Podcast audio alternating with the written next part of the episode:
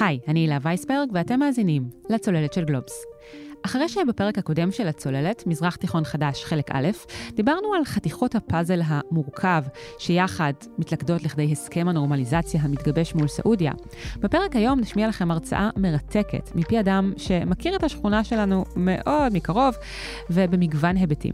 אני מדברת על האלוף במילואים עמוס גלעד, ראש המכון למדיניות ואסטרטגיה באוניברסיטת רייכמן, שהיה בעבר דובר צה"ל, ראש חטיבת המחקר באגף המודיעין ומתאם פעולות הממשלה בשטחים.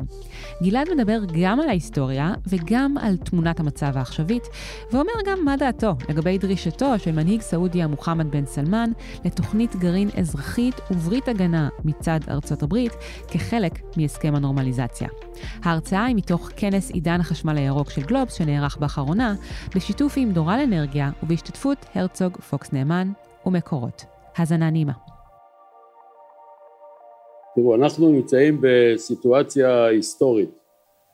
אני אישית אה, הייתי אחראי על הערכת המודיעין הלאומית כמה שנים טובות ואחראי על המדיניות במשרד הביטחון.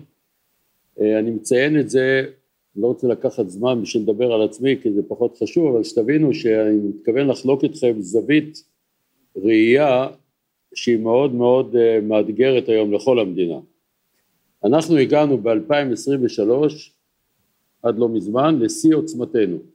זה החדשות הטובות. אני בדרך כלל אה, מתחיל בחדשות טובות, כי כשהייתי דובר צה"ל לפני עשרות שנים, אה, היה עיתון שקראו לו חדשות טובות והוא קרס אחרי שלושה שבועות. מה שהיום הוא היה אחרי שלושה ימים ובעתיד זה שלוש שניות. זה קצב טיק טוק כזה. עכשיו באמת היו לנו חדשות טובות. קודם כל צה"ל הרתיע את כל אויבינו. אה, זה דבר שלא מובן לרוב האוכלוסייה כי אף אחד לא מעניין אותו שום דבר, אבל באמת אה, יצרנו יכולת הרתעה מדהימה. שתיים, אין עלינו איום קיומי. לפי דוקטרינת בגין, מנחם בגין אה, זכרו לברכה, ישראל לא תסבול שמדינה במזרח התיכון תפתח נשק גרעיני. עיראק ניסתה תחת סדאם חוסיין, שליט אגב מטורלל, זה קורה במזרח התיכון, זה בגלל הטמפרטורות הגבוהות וכסף רב מדי. אני מקווה שזה לא מחלה עם אה, פוטנציאל התפשטות, אבל במזרח תיכון יצא לי לעסוק בכמה מנהיגים שעל כל אחד כזה, בלי שאני פסיכיאטר מקצועי, יכול לספר לכם בלי סוף. סדאם ניסה לפתח נשק גרעיני ואמר אני אתקוף את תל אביב, הקורס שלו הוכרע על ידי חיל האוויר. דוקטור בשאר אסד, אה, רופא עיניים, אפילו למד בלונדון, הוא עוקר לך את העיניים בלי מרשם ולא צריך הפניה מיוחדת. מספיק שאתה מתנגד של המשטר, חצי מאוכלוסיית סוריה אין לה איפה לגור, או פליטים או עזבו את הבית. מדינה מזעזעת, אבל הוא עשה דבר גאוני מבחינה מקצועית, שצריך להעריך את האויבים שלנו, צריך להעריך אותם.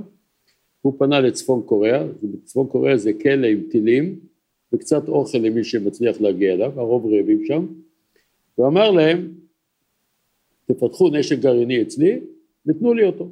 סוריה עצמה, היכולת הכלכלית שלה זה כמו עיר בינונית בארצות הברית, אולי, אני לא בטוח, זה תלוי איך בודקים את זה, אין לו שום יכולת לפתח שום דבר. והנה הוא הגה רעיון, אמר לצפון קוריאנים תפתחו נשק גרעיני במדבר, הוא מידר את כל הצמרת, אף אחד לא ידע, לא שר הגנה, לא הרמטכ"ל, כי הוא חשש, כנראה בעצת הצפון קוריאנים, שאם יפרסו שם צבא, אז אנחנו נשים לב. רמת סוריה תמיד בעדיפות גבוהה של המודיעין הישראלי, חוץ מהאזור שבנו את הכור, כי אין שם אנשים, יש שם עיזים, גמלים, קצת אנשים וזהו. שם בנו כור, המודיעין שלנו פספס את זה, זה יכול היה לשנות פה את כל החיים שלנו.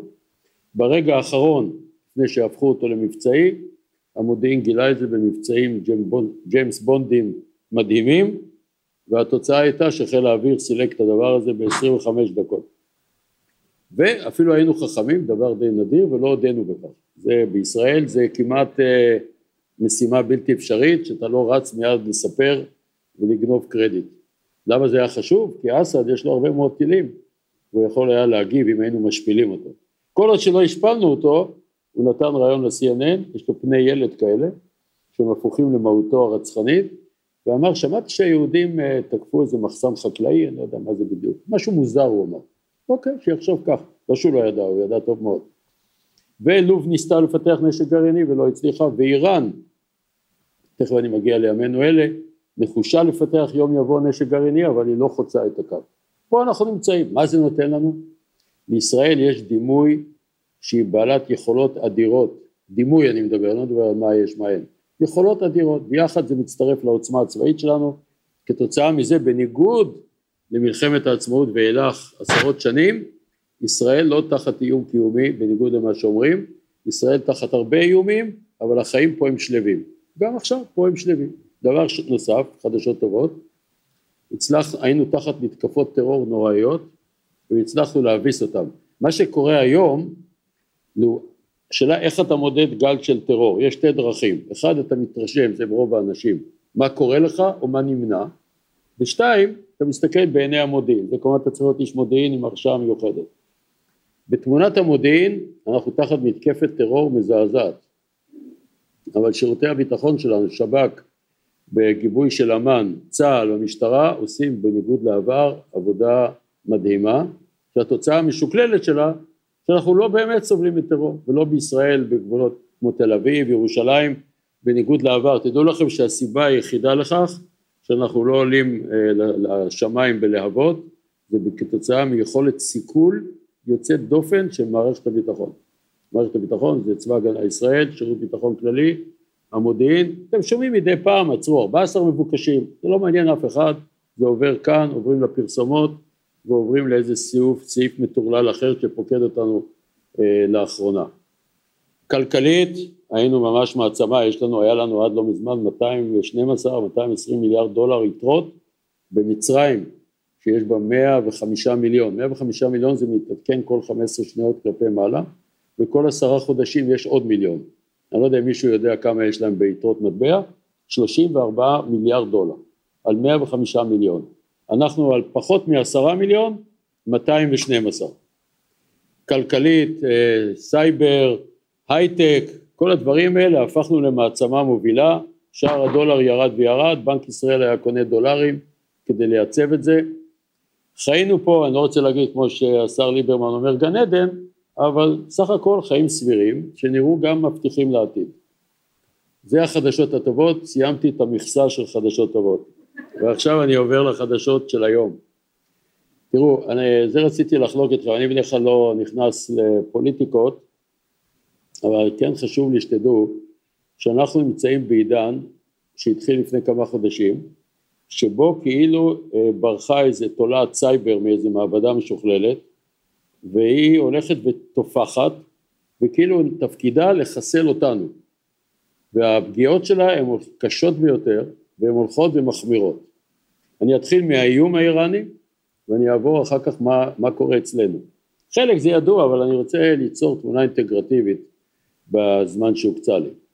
ובכן האיראנים, הרפובליקה האסלאמית של איראן שהייתה אחות, מדינה אחות של ישראל, זה רק מראה לך מה זה נקרא אחות במזרח התיכון, במזרח התיכון אין הבדל מהותי בין נשיקה בבוקר, סכין בצלעות ופרחים לקבורה שלך להלוויה.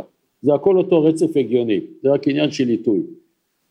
איראן הייתה המדינה הידידותית של ישראל, איראן זאת מדינה מאוד רצינית, היא הייתה בעלת ברית, השאה ששלט באיראן קרס והיו האלה השלטון הדתי הקיצוני השיעי הזה שהם שמו למטרה שישראל תיעלם, הם מתכוונים לזה, כל מה שהם אומרים אגב הם מתכוונים, תכף אני אראה לכם גם איך הם עושים את זה, הם מבדילים בין ישראל כמדינה יהודית שחייבת להפסיק להתקיים מיד לבין היהודים באיראן שיכולים לחיות כמיעוט תחת משטר ההלכה האסלאמי, אבל סך הכל היהודים באיראן חיים טוב. במזרח התיכון אגב הצליח מאוד פרויקט של סילוק היהודים.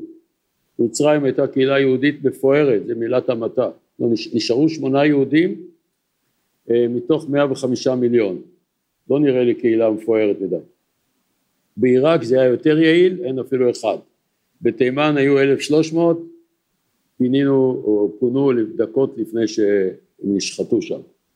מרוקו בצד האחד של המזרח התיכון או צפון אפריקה המלך עם הרבה המזל ממשיך את המורשת של אבא שלו אז יש קהילה מכובדת קצת בתוניס אבל בסך הכל ובטורקיה בצד השני לא מדינה ערבית. האיראנים כן חשוב להם שיהיו יהודים וכן על פי החוקה האיראנית חבר פרלמנט אחד מתוך כל המאות שיש שם הוא יהודי. אבל לא ישראל. החזון שלהם שישראל תיעלם, זה חשוב לי לחלוק איתכם. הרבה פעמים שואלים אותי, מה הם רוצים מאיתנו, מה אכפת להם שנתקיים? אכפת להם, הם רוצים שלא נתקיים. אין לי זמן להסביר לכם למה, כי זו הרצאה שלמה. קחו את זה כנתון. דבר שני, החזון מתורגם למסלולי פעולה. מסלול פעולה מספר אחת, נשק גרעיני. נשק גרעיני, רוצה להסביר מה מסוכן בו. קודם כל הוא מסוכן. מי שרוצה, אני לא רוצה להרוס אתכם לפני ארוחת צהריים, אבל מי שיסתכל בסרטים תיעודיים מאוגוסט 45, מה עשו פצצות גרעין. ליפן, מאז העולם לא משתמש בנשק גרעיני, רק בשונה ממה שהיה אז, היום יש פצצות גרעין רבות עוצמה, ויש גם פצצות מימה שהעוצמה שלהן היא דמונית. אין לאיראן לא פצצה כזאת ולא פצצה אחרת, המודיעין שלנו גילה את העניין הזה בזמן, הבאנו גם בלי אישור של ממשלת איראן את כל הארכיון הסודי ביותר של פרויקט הגרעין האיראני, 500 קילו של מסמכים, והם בסיס מידע מאוד מאוד איכותי. כללו של דבר, מדוע גרעין מסוכן? קודם כל הוא מסוכן בפני עצמו, על זה אומרים, הם לא יעזו, כי זה לא הגיוני שהם יעזו לשגר עלינו.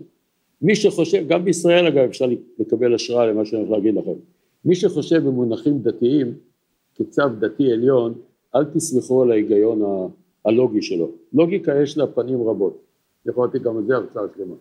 ההיגיון שלהם שישראל צריכה להיעלם. ולכן הם נחושים לפתח נשק גרעיני. היה ויהיה להם נשק גרעיני, אז הם קודם כל יטילו עלינו אימה. תארו לכם את הכותרות של התקשורת כאן, איראן עשתה ניסוי גרעיני, לדעתי תהיה פה, שדה התעופה יתפוצץ מרוב נושאים, המדדים ירדו, אה, חיזבאללה יתקוף אותנו, נרצה לתקוף אותו, יגידו תיזהרו, יש לנו נשק גרעיני. ודבר נוסף, זה מרוץ נשק גרעיני. ישראל נהנית היום מדימוי של עוצמה אדירה, אם לערבים ואם לאיראן, אם איראן תחצה איזשהו סף מסוים, אמר שליט סעודיה, אני גם מפתח נשק גרעיני. שליט סעודיה הבא. זה שליט שהוא מאמין בדמוקרטיה, נגיד יש לו יריב חשוקג'י, על אדמת טורקיה הוא הופך אותו לשיש קבב. ואז הוא לא מדבר יותר, ואז הוא זוכה להסכמה שלו. זה התרבויות פה, תשתדלו, זה מה שאנחנו חיים. אם סעודיה תלך בנתיב הגרעיני, אז גם מצרים תלך וגם טורקיה תלך, זה הכל מעצמות בעיני עצמם. לכן זה דבר מאוד מסוכן, זה אתגר מספר אחד. אתגר מספר שתיים זה טרור מסיבי. איך זה צמח אצלנו? היום יש למעשה ברית של טרור שמאוחדת על בסיס צו דתי אסלאמי לחסל את ישראל. חמאס בעזה, אני לא קורא לעזה רצועת עזה, אני קורא לה חמאסטן. יושב שם ארגון מסוכן, סוני אמנם, יש סונים וישים, אני לא אעלה אתכם, שלמעשה רוצה, מה? להשמיד את ישראל. כולם לא רוצים אותנו, לא יודע מה הם רוצים איתנו. אחר כך יש את חיזבאללה, ארגון שיעי, שעד שהאיראן עלתה להיות כמו שהיא, השיעים היו האלמנט הכי עלוב במזרח התיכון, קראו להם בערבית מחרומין, מזלומים, לא משנה, כל מיני שמות עשוקים, דפוקים, הם באמת היו כאלה. היום הם הקימו ישות מדינית, אסטרטגית צבאית, אני קורא לה לצורך שפה משותפת, חיזבאלסטן. זה מביירות עד הגבול, יש 150 אלף רקטות שמאיימות עלינו עכשיו, זה אומר 2,500 ביום. ועל פי מה שמתפרסם מעת לעת, יש להם גם טילים. ההבדל בין טיל לרקטה, שטיל הוא מדויק. כלומר, אם אתה משגר טיל ליעד אסטרטגי, הוא יכול לפרק אותו. ואם אתה משגר רקטות, זה לא נופל איפה שאתה מכוון. השילוב בין כמות לאיכות יוצר איום. ויש להם גם מטוסים ללא טייס חמושים. זה סיפור ההצלחה הגדול. הם מנסים גם להשתלט על סוריה. סוריה זה מדינה כושלת, טכנית זאת מדינה, למעשה זה ישות שהתפרקה מבפנים, ואנחנו על פי מקורות זרים, חיל האוויר מצליח שם מאוד למנוע, משבש לאיראנים בצורה משמעותית את הקמת ישות מקבילה לחיזבאלסטן וגם בעיראק, בעיראק האמריקאים יצאו למלחמה כדי לסכן נשק שכנראה לא היה, וגם מראה מי זה היה סדאם חוסיין. סדאם חוסיין, תלו אותו על זה שהוא הגן על נשק שלא היה לו. זה רק מטורפים עושים דברים כאלה, לצערי זה לא מקרים בודדים. חייבים להקדיש תמיד תשומת לב למנהיגים שהם לא שפויים. וזה דבר מאוד מאוד אה, חשוב, והאיראנים היום מאוד שמחים שהאמריקאים סילקו את סדאם חוסיין, האויב המושבע שלהם, שנלחם נגדם שמונה שנים, והם אומרים, אוקיי, עכשיו אנחנו מתבססים גם בעיראק, ואותו דבר הם עושים בתימן. זאת אומרת, איראן זה האיום הגדול. ישראל לא אלמן ישראל, פיתחו פה חיל אוויר עוצמתי מאוד, זה לא רק מערכות הנשק שיש לנו כמו F-35 שזה מטוס דור חמישי, אלא זה איכות נדירה של הטייסים שבשיטה שכבתית מהבכירים עד הזוטרים, מהזוטרים על הבכירים, יוצרים איכויות מדהימות. באמת כל פעם שהייתי חשוף לזה הרבה מאוד שנים ליכולות שלהם, זה פשוט פלא. אתם לא יודע אם אתם יודעים, אבל אה, אנחנו מאמנים מפעילי אה, מטוסים ללא טייס, בתל נוף יש טייסת גרמנית. אחרי שאייכמן אמר, לדעתי, כלומר לדעתו, לפני שתלו אה, נכשלנו במשימה כי לא רצחנו עשרה מיליון אלא רק שישה, הוא ראה בזה אי עמידה ביעדים, כמו שאתם עובדים לפי יעדים, גם הוא ראה בזה. לקח עשרות שנים למצוא את ההקלטה הזאת. אנחנו מאמנים מפעילי טייסות של מטוסים ללא טייס, ואנחנו, ישראל, הולכת להגן על שמי גרמניה עם חץ שלוש. כל המדינות בעולם, הגרמנים החליטו שרק חץ שלוש יגן עליהם. זה אחרי השואה. יש פה הרבה ניסים, יש לנו תעשייה ביטחונית שהייצוא שלה הוא כבר דו ספרתי, עומדים בתור פה, הם מתפוצצים מעודף אה, בקשות ייצוא, ואנחנו, יש לנו הרבה מאוד יכולות.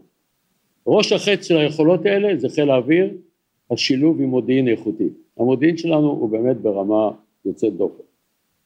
האמריקאים, הרי הדימוי של ישראל, הדימוי האנטישמי שיש פה ארבעה מיליארד, אולי לפי הרעש, אני לא יודע, ארבעה מיליארד אה, יהודים. האמת היא אחרת, יחד עם סין זה סודי, אנחנו מיליארד ארבע מאות מיליון והחלוקה הפנימית היא הסודית. יחד עם העוצמה הזאת הצלחנו לייצר פה באמת עוצמה אדירה. מה שקורה היום בעקבות ההפיכה המשטרית, אני מתעקש לקרוא לזה כך, יש חילוקי דעות, יש כאלה שחושבים שזה משהו נשגב, אני מסתכל רק מבחינה ביטחונית עכשיו. זה למעשה הרס עצמי, זה דומה ללוויתנים, זה תמיד מקסים אותי שלוויתן, יצור ענק כזה, עולה על החוף בניו זילנד ומת. מה יש לו לעשות שם על החוף חוץ מלמות? כאילו החלטנו להתאבד. חיל האוויר עובר תהליך החלשה.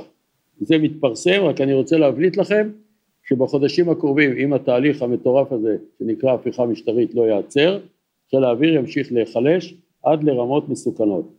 האיראנים יושבים בצד השני ואומרים רגע מה קורה פה היהודים האלה באמת השתגעו קשה להם לעכל את זה אבל לאט לאט הם מעכלים את זה. הם אומרים הם משמידים את עצמם.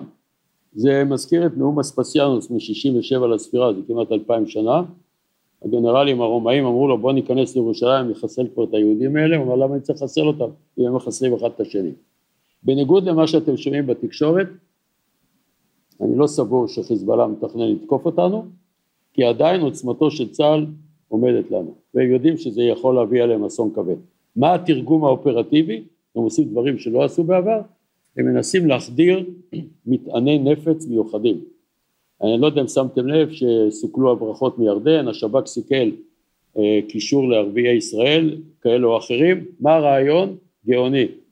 הרעיון הוא לקחת מטען כזה, למסור אותו, קוראים לזה כלי מגור, למסור אותו לפושעים, נניח כנופיות הפשע ערביות, היום מטענים או יריות מחסלות יעדים קונקרטיים, אבל אין נזק סביבתי. אתה שם מטען כזה בנהריה לאיזה ראש כנופיית פשע ישראלי ערבי, או בכפר דיר, תבחרו איזה שאתם רוצים, כפר קרוב, ג'יסר א אבו סנאן, לא משנה, ובמקום להרוג את היעד הוא יהרוג ארבעים, אז המדינה תיכנס לכאוס. מזהים ביהודה ושומרון יעד, מאחר ואנחנו נחלשים גם בעוד מובן, עד היום הנוכחות שלנו ביהודה ושומרון, אני הייתי אחראי לה פעמיים בחיים, פעם השתחררתי בדרגת אלוף, אחרי זה שר הביטחון ביקש ממני לחזור לצבא בהתנדבות בלי משכורת, הוא אמר שזה יקר מדי, 18 חודש נוספים בנוסף לתפקיד אחר. אני רוצה לומר לכם כדי שפחות תזכרו את זה, הנוכחות שלנו ביהודה ושומרון נשענת על ארבע רגליים איתנות. צבא הגנה לישראל, שירות ביטחון כללי, משטרת ישראל, יחידות מיוחדות, ותיאום פעולה בשטחים, לוחסן מנהל אזרחי. מי שמפקד עליהם זה מפקד הפיקוד מרכז, אלוף פיקוד מרכז, שהוא יכול לתמרן בין מקלות לגזר. אי אפשר להסתמך רק על עוצמה צבאית, אין דבר כזה. צה"ל הולך ונגרר לתוך השטח, יש לנו כבר פי שניים כוחות מן העבר. כשאתה עוסק באוכלוסיות ובטרור, זה לא דומה לכשירות מול איומים מבצעיים, זה שני דברים שונים. עכשיו אם כל הנטל הוא על הצבא, כל יום הצבא עוצר 14-15 מחבלים, תופסים כמויות נשק אדירות, אבל מצד שני יושב אדם שנקרא שר ביטחון שני והוא גם שר האוצר ויש לו חזון שנקרא הכרעה, שהתכלית שלו זה לספח את יהודה ושומרון, להכניס מיליון אנשים שזה יהיה בלתי הפיך, אה, לתת לנתינים הערבים, הוא קורא להם ערבים, אין פלסטינים, אה, שתי ברירות, כלומר שלוש ברירות, אחת, שלוש אפשרויות, אחת, תצייתו לנו, בלי זכויות, שתיים, תילחמו בנו, נהרוג אתכם, ושלוש, תעזבו. עכשיו, הוא מתכוון למה שהוא עושה, והוא גם עושה את זה. אין לזה סיכוי, אנחנו לא סין העממית, סין יכולה לעשות מה שהיא רוצה, אם ישראל תמשיך בנתיב הזה עוד כמה חודשים, אנחנו מסתבכים עם כל העולם, אנחנו כבר מעוררים בחילה אצל נשיא ארצות הברית, תכף נדבר על זה, ואנחנו נגמור בסוף גם אם יערערו את בית המשפט העליון, קצינים שלנו ימצאו את עצמם בהאג. בית הדין הבינלאומי בהאג כבר, אני לא יודע אם אתם יודעים, מתחיל לדון בנו בצורות מפחידות. עד היום הם לא היו מסוגלים לעשות כלום, כיוון שידוע היה שלישראל יש מערכת משפט מפוארת. אם התוכניות הזדוניות לחסל את בית המשפט, זה פגיעה ישירה בביטחון. זה אגב גם תהיה פגיעה בהתנחלויות. כי כשאתה מדבר, אתה מדבר על הנעת אוכלוסיות, זה נחשב לפשע מלחמה. בקיצור, כדי לא להכביר מילים, אם התוכניות האלה לא תיעצרנה, אז אנחנו נמצא את עצמנו במצב גרוע, זה מתחיל להיכנס לתאוצה בספטמבר, עוד יותר באוקטובר, אנחנו ממש בפרשת דרכים. עכשיו ארצות הברית של אמריקה. ארצות הברית של אמריקה, אני שומע שרים שאומרים שארצות הברית תלך ל... לאן שתלך. כל כך מקומם. ארצות הברית של אמריקה היא עמוד תווך מרכזי בביטחון הלאומי של ישראל. אני אומר לכם כאחד שהיה חשוף לרובדים הכי רגישים בשיתוף פעולה הזה, אני לא מצליח לדמיין את ישראל בלי ארצות הברית. בכל דבר. אתן לכם דוגמה. כל פעם שנוחת מטוס F-35, מי שמשלם אותו זה משלם המיסים האמריקאי. אחרי הנחת חבר הוא עולה 320 מיליון שקל אחד. שמעתם? עוד לפני שהוא זז. 320 מיליון. כל מה שאנחנו צריכים לעשות זה לבקש לקבל את, את המתנה מהדוד האמריקאי. אגב, למה הוא, הוא לא בטוח שימשיך לתת. אנחנו קשורים ארה"ב ב-shared values, קוראים לזה באנגלית, הכוונה היא ערכים משותפים, קרי דמוקרטיה. לא תהיה דמוקרטיה אם יהיה דיקטטורה מזרח תיכונית, ככה יתייחסו אלינו. עכשיו שיתוף פעולה מודיעיני הוא מדהים, שיתוף פעולה בסייבר הוא מדהים, חוסכים לנו משאבים אדירים, נותנים לנו גיבוי באו"ם, גיבוי כלכלי, גיבוי אסטרטגי, אז מה, כל זה אנחנו נירק? ועכשיו אני מגיע לשלום עם סעודיה. מוחמד בן סלמן, כבר תיארתי לכם אותו בכמה קווים לדמותו, איש אלים מאוד, אבל יש לו כנראה חזון, הוא רוצה שסעודיה תהיה מעצמת על. מעצמת על, הנפט יאזל בעוד 15-20 שנה, אז הוא נערך לאפשרות הזאת. אגב, שם הוא חושב עשרות שנים קדימה, בעוד שפה, אני לא יודע מה זה טווח ארוך, לפי איך שזה מתנהל פה. האם מחר זה טווח ארוך? חודשיים, עוד חודש. קיצור, הוא החליט שהוא רוצה ערבויות מארצות הברית לקיומו. שלוש רגליים לערבויות. ברית הגנה עם ארצות הברית באופן שארצות הברית תחוש לעזור, כלומר החיילים האמריקאים יגנו עליו, נשק איכותי שמצטבר סביבנו אגב בכמויות אדירות, והוא רוצה מעגל העשרה גרעינית. תאמינו לי, אני, אני לא רוצה לעשות פה משאל אם אתם מבינים מה המשמעות של זה. הוא, הוא אומר גרעין לצרכים אזרחיים, אבל הוא רוצה העשרה אצלו. מה זה נקרא העשרה אצלו? האיש הזה אמר, אני מצטט אותו מהראש, אמר אם איראן תתקדם לכיוון נשק גרעיני גם לנו יהיה נשק גרעיני. יש כל מיני ידיעות שהוא קשור לפקיסטן בצורה זו או אחרת, אבל אם הוא יקבל את היכולת בארצות הברית של אמריקה, אסור לתת לו את זה. אם אתם שואלים אותי האם ראש הממשלה ייתן לו או לא, אני לא יכול לענות את זה כי אני לא יודע, אבל אני יכול להביא לכם שתי דוגמאות. ראש הממשלה לבדו בהתעלמות מוחלטת ממערכת הביטחון אישר לגרמנים למכור צוללות זה כלי משחית נורא למצרים. נכון שיש לנו שלום איתם, אבל נכון שבמצרים באופן מפתיע, כי זו עוד דמוקרטיה ידועה, עלו האחים המוסלמים, שהמטרה של האחים המוסלמים, תנחשו, שנהיה במרחב הימי מתחת למים, לא ביבשה אלא בים. ולכן ההפתעות פה הן רבות, אסור לתת להם מעגל העשרה. אה, אני מקווה שאני טועה וראש הממשלה לא יאפשר את זה, אם אתם שואלים אותי מה רמת הביטחון שאני נותן לזה, לא יותר מ-12 אחוז. למה 12 אחוז? כדי שזה יישמע מדויק, כאילו חישבתי את זה, אבל זה נמוך, ואני מתכוון לומר שאם זה יקרה, אני אומר לכם כמי שמכיר פה באמת, חושב כך שמכיר, כי הייתי איתם בקשרים אה, הרבה מאוד שנים, לא טורקיה ולא מצרים, אף אחד לא יסכימו להיות מחוץ למשחק, ואז ישראל תיראה, לא עכשיו, בעוד עשר שנים, זה כמו אחד שאומר אין לי כסף בבנק, לוקח הלוואה בשוק האפור, הוא מבסוט, ביום הראשון יש לו יתרה חיובית. אבל מה ביום השני, איך הוא יחזיר את זה? תכף יבואו הגובים ויפרקו לו את הראש. אסור לנו לאפשר את זה. פה מוכנים למשכן פה את העתיד שלנו. אה, מה שאני אומר לכם זה נחלת מעטים, אבל אם יהיה טקס בבית הלבן, אז אני בטוח שכולם יתרשמו, והרי הכל פה זה קליט כזה, הכל שיווקי, הכל זה פרסומת, הכל זה זיכרון קצר.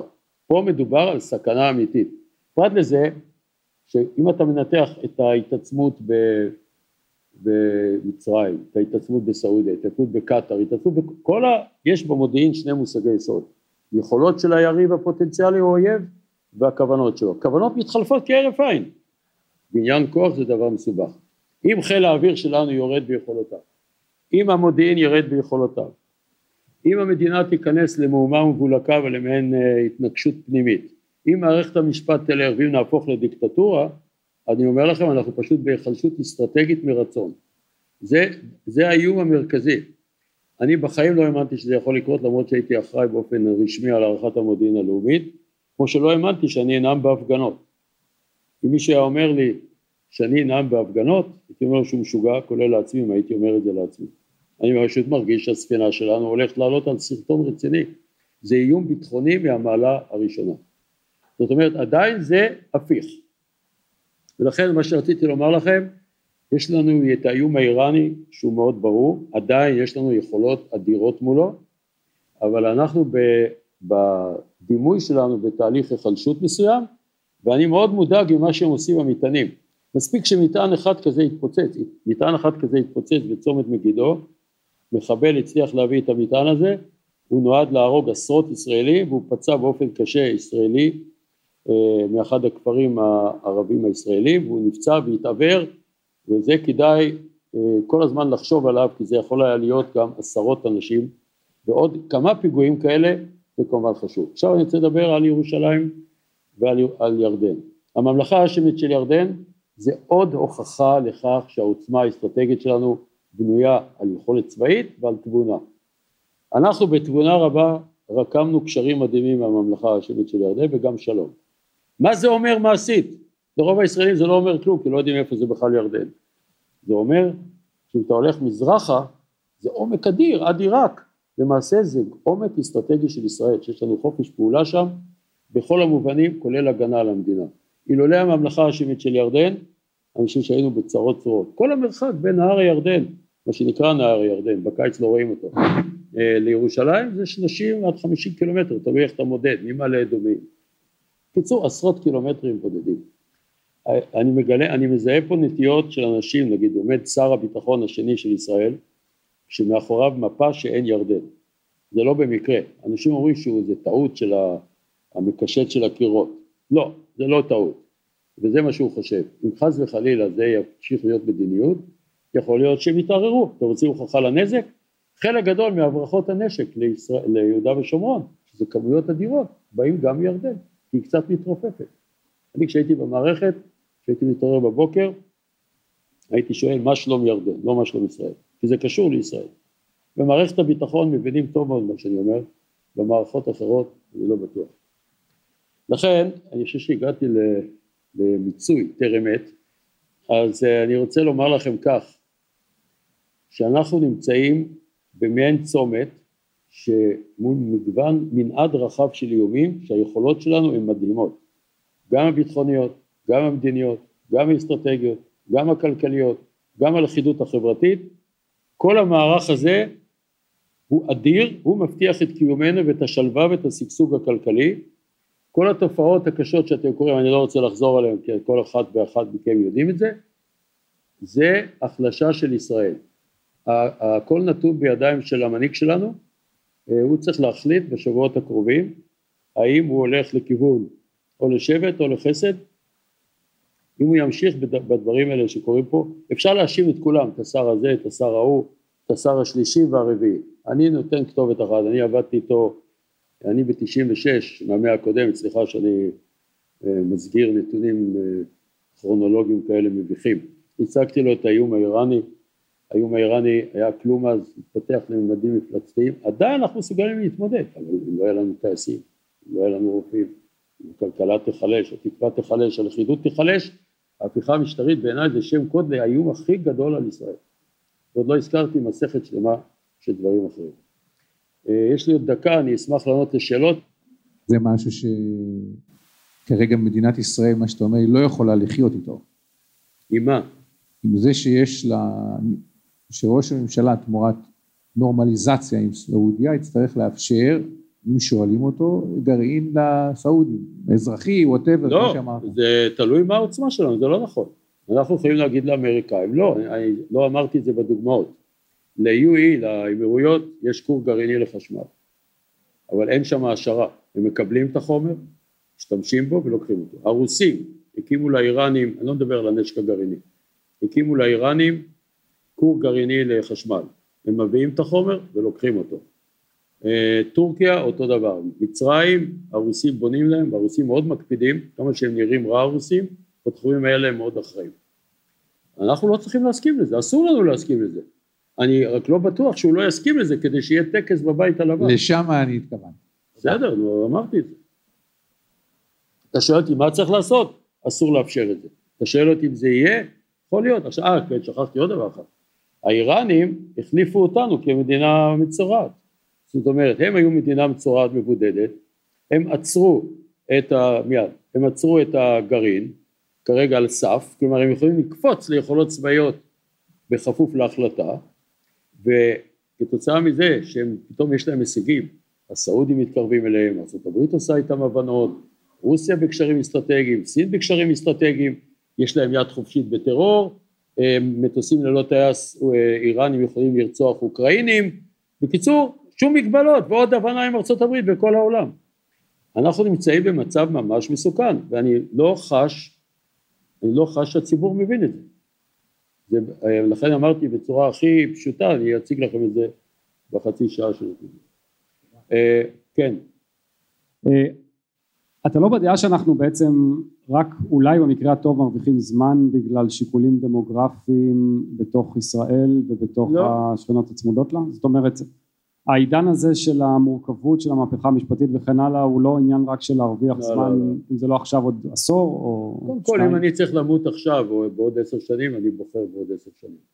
מי בכלל יודע מה יהיה בעוד עשר שנים? מתמטיקה אסטרטגית היא לא מתמטיקה מדעית. במתמטיקה אסטרטגית שתיים ועוד שתיים יכול להיות תשע. במתמטיקה רגילה שתיים ועוד שתיים זה תמיד ארבע. אתה נותן, אם אתה נותן לי שתי אפשרויות למות עכשיו או בעוד עשר שנים, אל תגלה לאף אחד, אני בוחר בעוד עשר שנים, כי יכול להיות שנגיע בעוד עשר שנים והדברים ישתנו לטובה. ואני לא בדעה הזאת, אופן. טוב, אז uh, החשמל הירוק זה תקוותנו. Uh, אליי זה מאוד מדבר. אני רואה מה צרפת עושה ומה הגרמנים עשו והלוואי שזה יהיה הפתרון במקום שנחנק עוד לפני שהאיראנים יגיעו. אני רוצה לברך אתכם ואתכם ותודה רבה.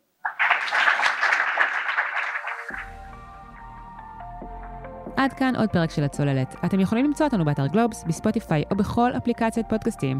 נשמח אם תעשו לנו subscribe, ואם אהבתם, מאוד מאוד מאוד נשמח שתדרגו אותנו גבוה ותשלחו את הפרק לחברה או חבר שאתם אוהבים.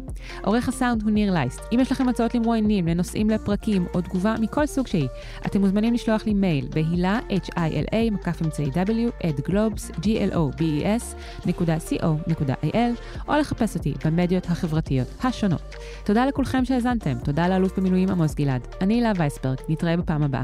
ביי ביי.